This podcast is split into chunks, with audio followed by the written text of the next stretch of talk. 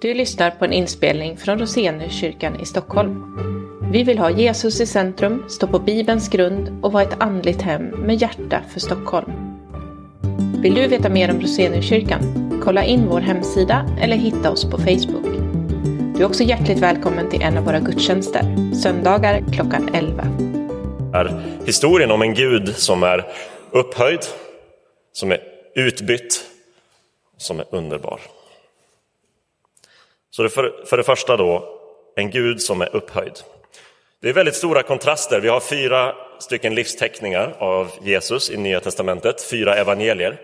Och de är väldigt olika på många sätt, men de börjar också väldigt olika. Markus evangeliet, det kortaste och det som skrevs eh, först, tror man, börjar väldigt pang på. Här börjar evangeliet om Jesus Kristus, Guds son. Och så är man igång eh, med händelserika berättelser direkt.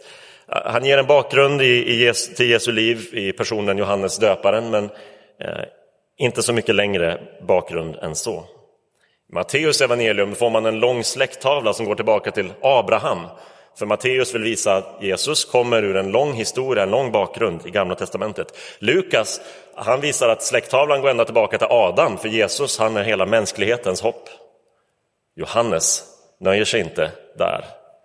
Han säger historien om Jesus börjar i evigheten, hos den Gud som var i begynnelsen. Och så låter Johannes oss blicka in i eh, någonting som egentligen är för upphöjt för oss att förstå. Guds eget väsen och Guds egen inre dynamik och relation om ordet som var Gud, som var hos Gud. Och vi är liksom på den högsta och mest abstrakta nivån på sätt och vis, men det är inte en Gud som är vag eller konturlös eller bara en opersonlig kraft. Han var i begynnelsen hos Gud.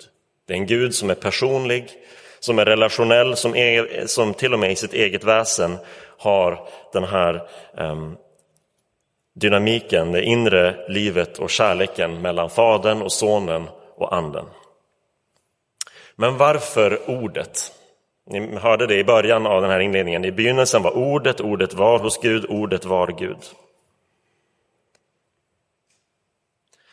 Ja, man kan ju tänka sig att Johannes kanske vill eh, intressera, vill locka eh, sina, ska vi säga, läsare i den grekiska kulturen. Nya testamentet skrevs på grekiska som kanske hade läst eh, grekiska filosofer. De tänkte mycket på, på just den här termen logos på grekiska.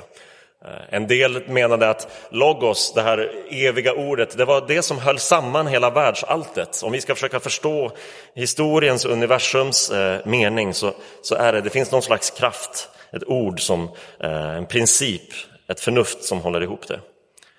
Å andra sidan är Johannes själv, han var jude, eh, trodde på Gamla testamentets skrifter och där ser vi att när Gud skapade världen så gjorde Gud det med sitt ord. Han bara, han bara sa och så blev det till. Och när Gud skulle gripa in i historien och rädda sitt folk från sina fiender så gjorde han det genom att också först tala till människor och genom att ge en tolkning och en mening i vad som hände. När han sände profeter så står det väldigt ofta Herrens ord kom till och sen talade Gud. Jag tror att båda de här perspektiven, båda, både den, det grekiska filosofiska sökandet efter meningen, efter förnuftet, efter vad är det som håller ihop världen och historien och den judiska längtan efter kontakt med den Gud som skapar och räddar med sitt ord. Båda de har sin uppfyllelse i Jesus.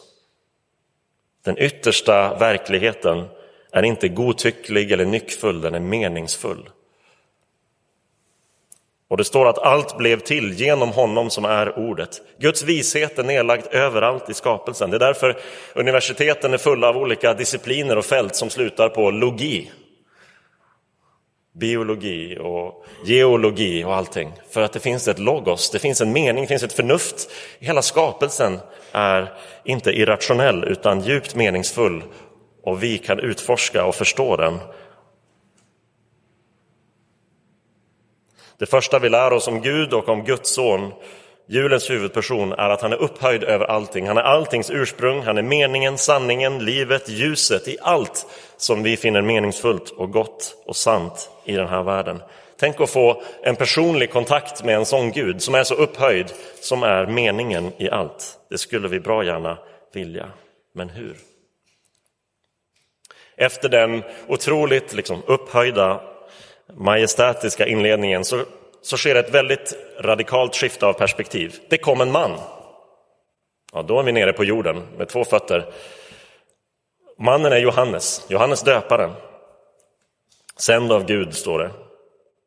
Och han kom som ett vittne. Direkt en person introduceras som ett vittne så förstår vi att då här är allting inte bara den typen av harmoni som vi läser om från evigheten. Därför när behövs det ett vittne? Jo, när det finns en konflikt, när det finns en tvist. När sanningen och tolkningen av vad som har hänt är omtvistad av olika parter, då måste det finnas ett vittne som har sett vad som har hänt och kan förklara det. Johannes döparen sänd som ett vittne. Han var inte ljuset. Han skulle vittna om ljuset. Han är inte lösningen på konflikten, men han skulle så att säga bana väg för den som skulle bli det. Och så sker i beskrivningen av att inte bara Johannes kom, utan det sanna ljuset skulle komma till världen, sker liksom en stegrande beskrivning av den här konflikten. Om du har texten framför dig så kan du se i vers 10. Han var i världen, och det är då Jesus det talas om nu. Och världen hade blivit till genom honom, men världen kände honom inte.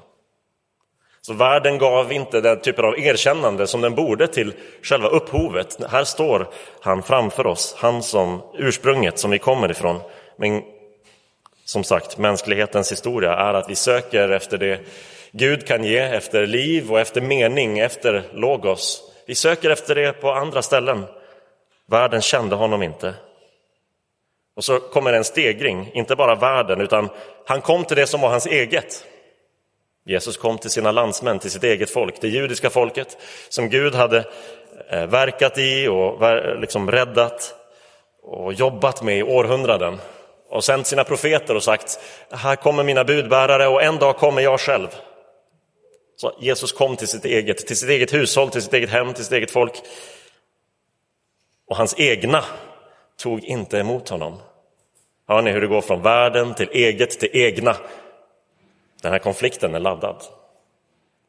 Det är inte bara liksom en allmän brist på erkännande, Nej, det är ett personligt avvisande. När Jesus kom in i världen så avvisade människor honom. Här ger Johannes en liten, en liten hint, nästan som en liten trailer av det som kommer följa i, i hela Jesu liv. Hur Jesus eh, griper in i människors liv, han undervisar, han gör under, han botar sjuka och människor, inte alla men många, säger gå någon annanstans. Vi vill inte höra på dig, det här är för svårt att höra på.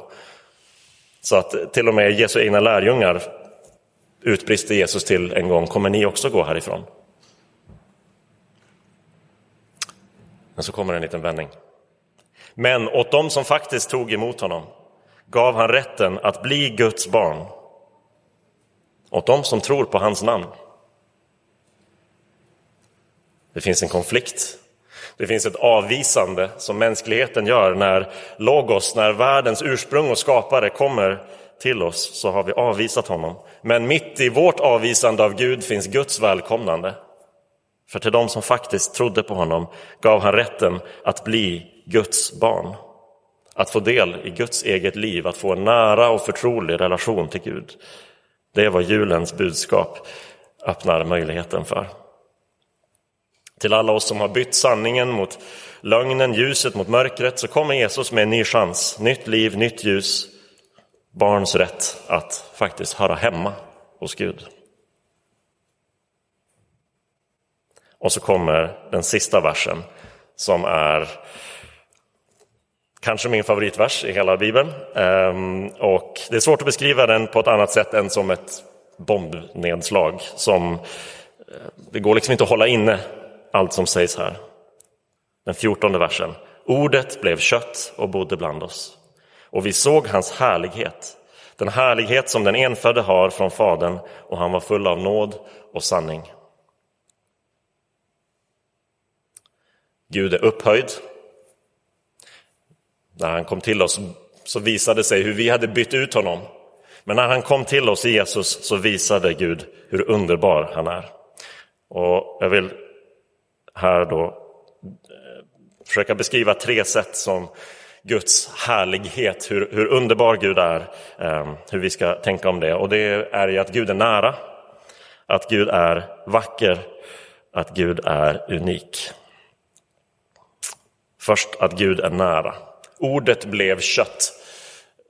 Den formuleringen kanske man har hört eh, om man har hört gamla julsalmer eller hört, eh, liksom sett gamla Ja, jag vet inte. Det, det är liksom ett, ett, en gammal klassisk fras som hör julen till. Och det kan låta väldigt konstigt.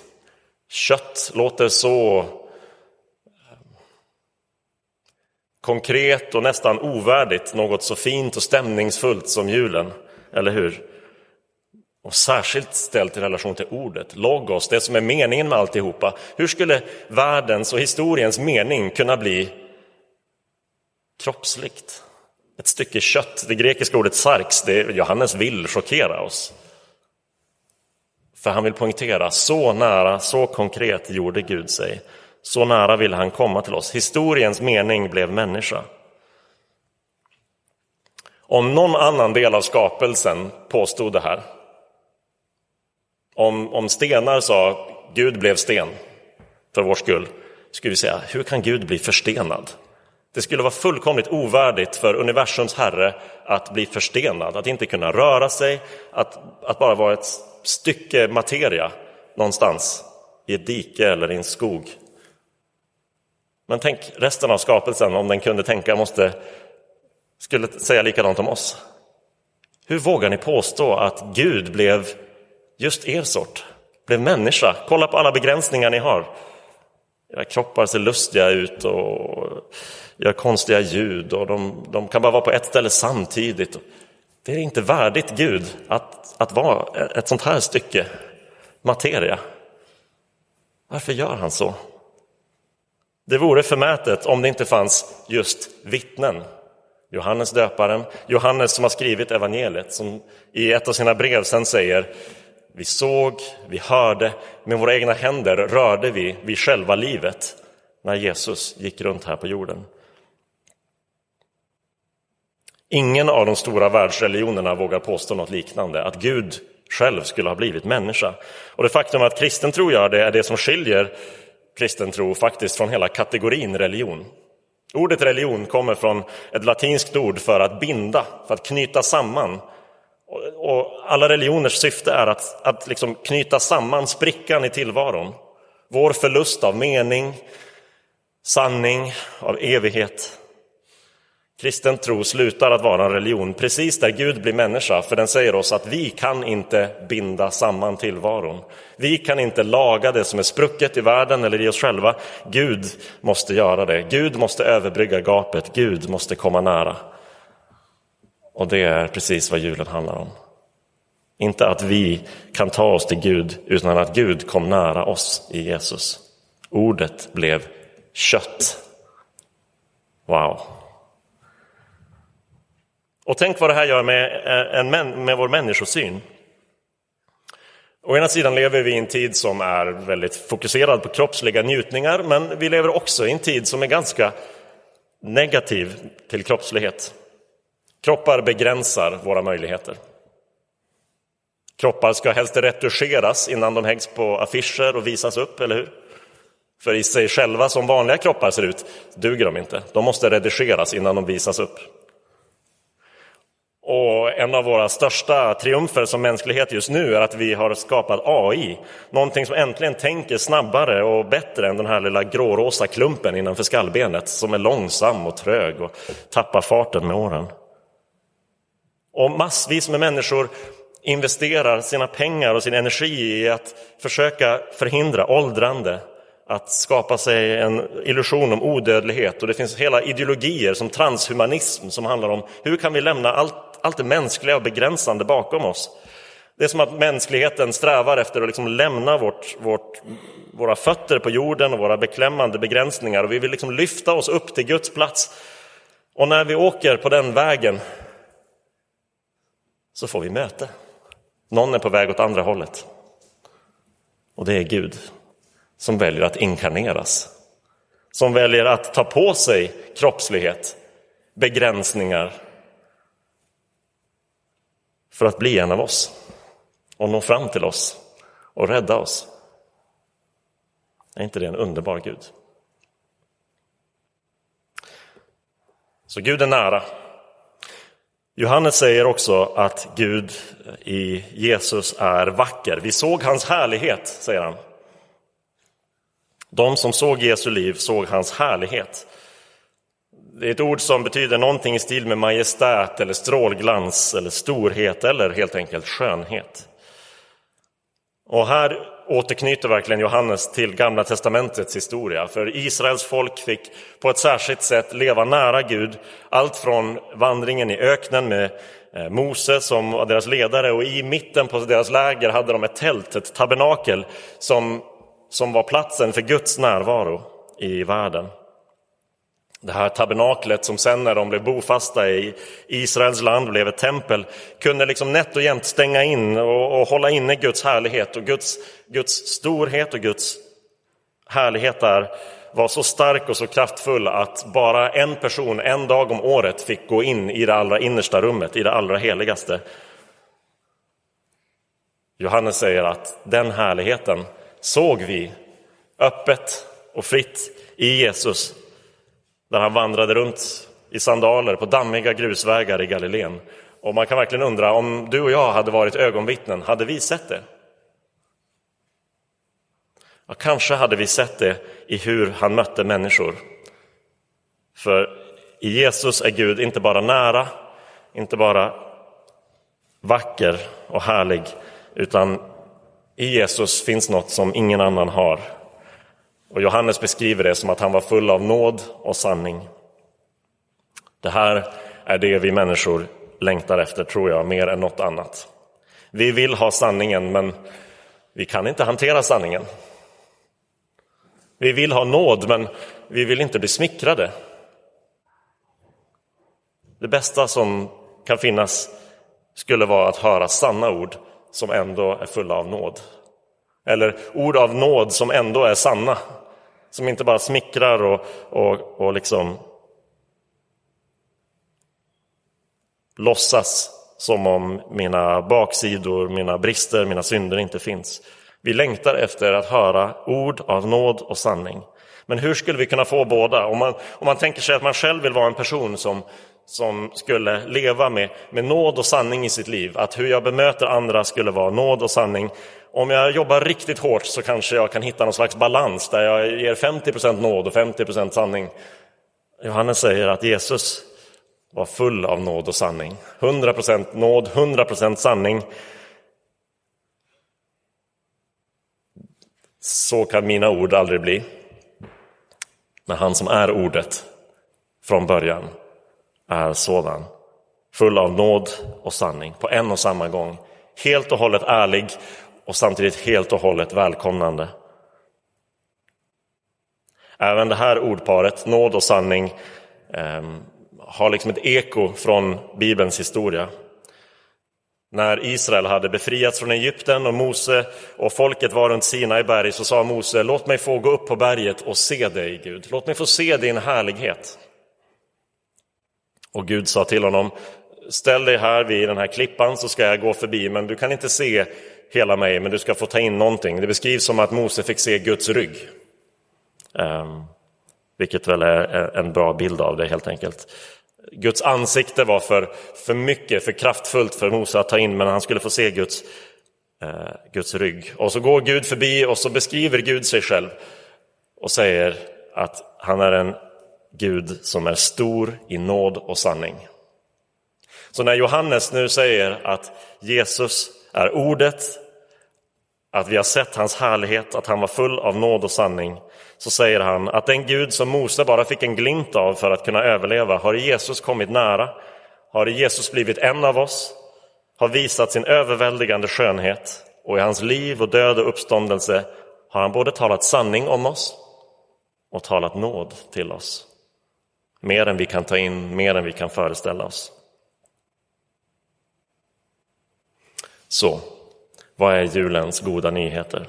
Jo, det är att om vi tar emot honom, ordet, den evige guden som lät sig bli liten för att komma nära oss, som i Jesus sätt att möta människor och att älska oss alla genom sin död och sin uppståndelse om vi vill ta emot honom. Tror på honom, inte avvisar honom ens när hans ljus skiner in i vårt mörker. Om vi tar emot honom så får vi vara Guds barn. Så låt oss göra det. Han är värd det. Vi ber. Gud, för oss som i mötet med vår egen ofullkomlighet och brist och dödlighet och begränsningar ibland kan vilja fly det mänskliga tillståndet och de mänskliga livsvillkoren är det för stort och för svårt att ta in att du valde att dela dessa livsvillkor, dessa begränsningar. Att du valde att bli en av oss och komma nära. Låt oss inte missa vilken oändlig kärlek och godhet och härlighet du har visat av dig själv genom att komma till oss i Jesus från Nasaret. Tack för ditt liv, din död och din uppståndelse. Tack för att vi genom dig Jesus kan få rätten att bli Guds barn. Hjälp oss att ta emot dig. Tack för att du talar sanning och nåd till oss. Hjälp oss att lyssna. Och hjälp oss att bli sådana som talar nåd och sanning. Sådana som vittnar om ljuset som lyser i mörkret. I Jesu namn. Amen.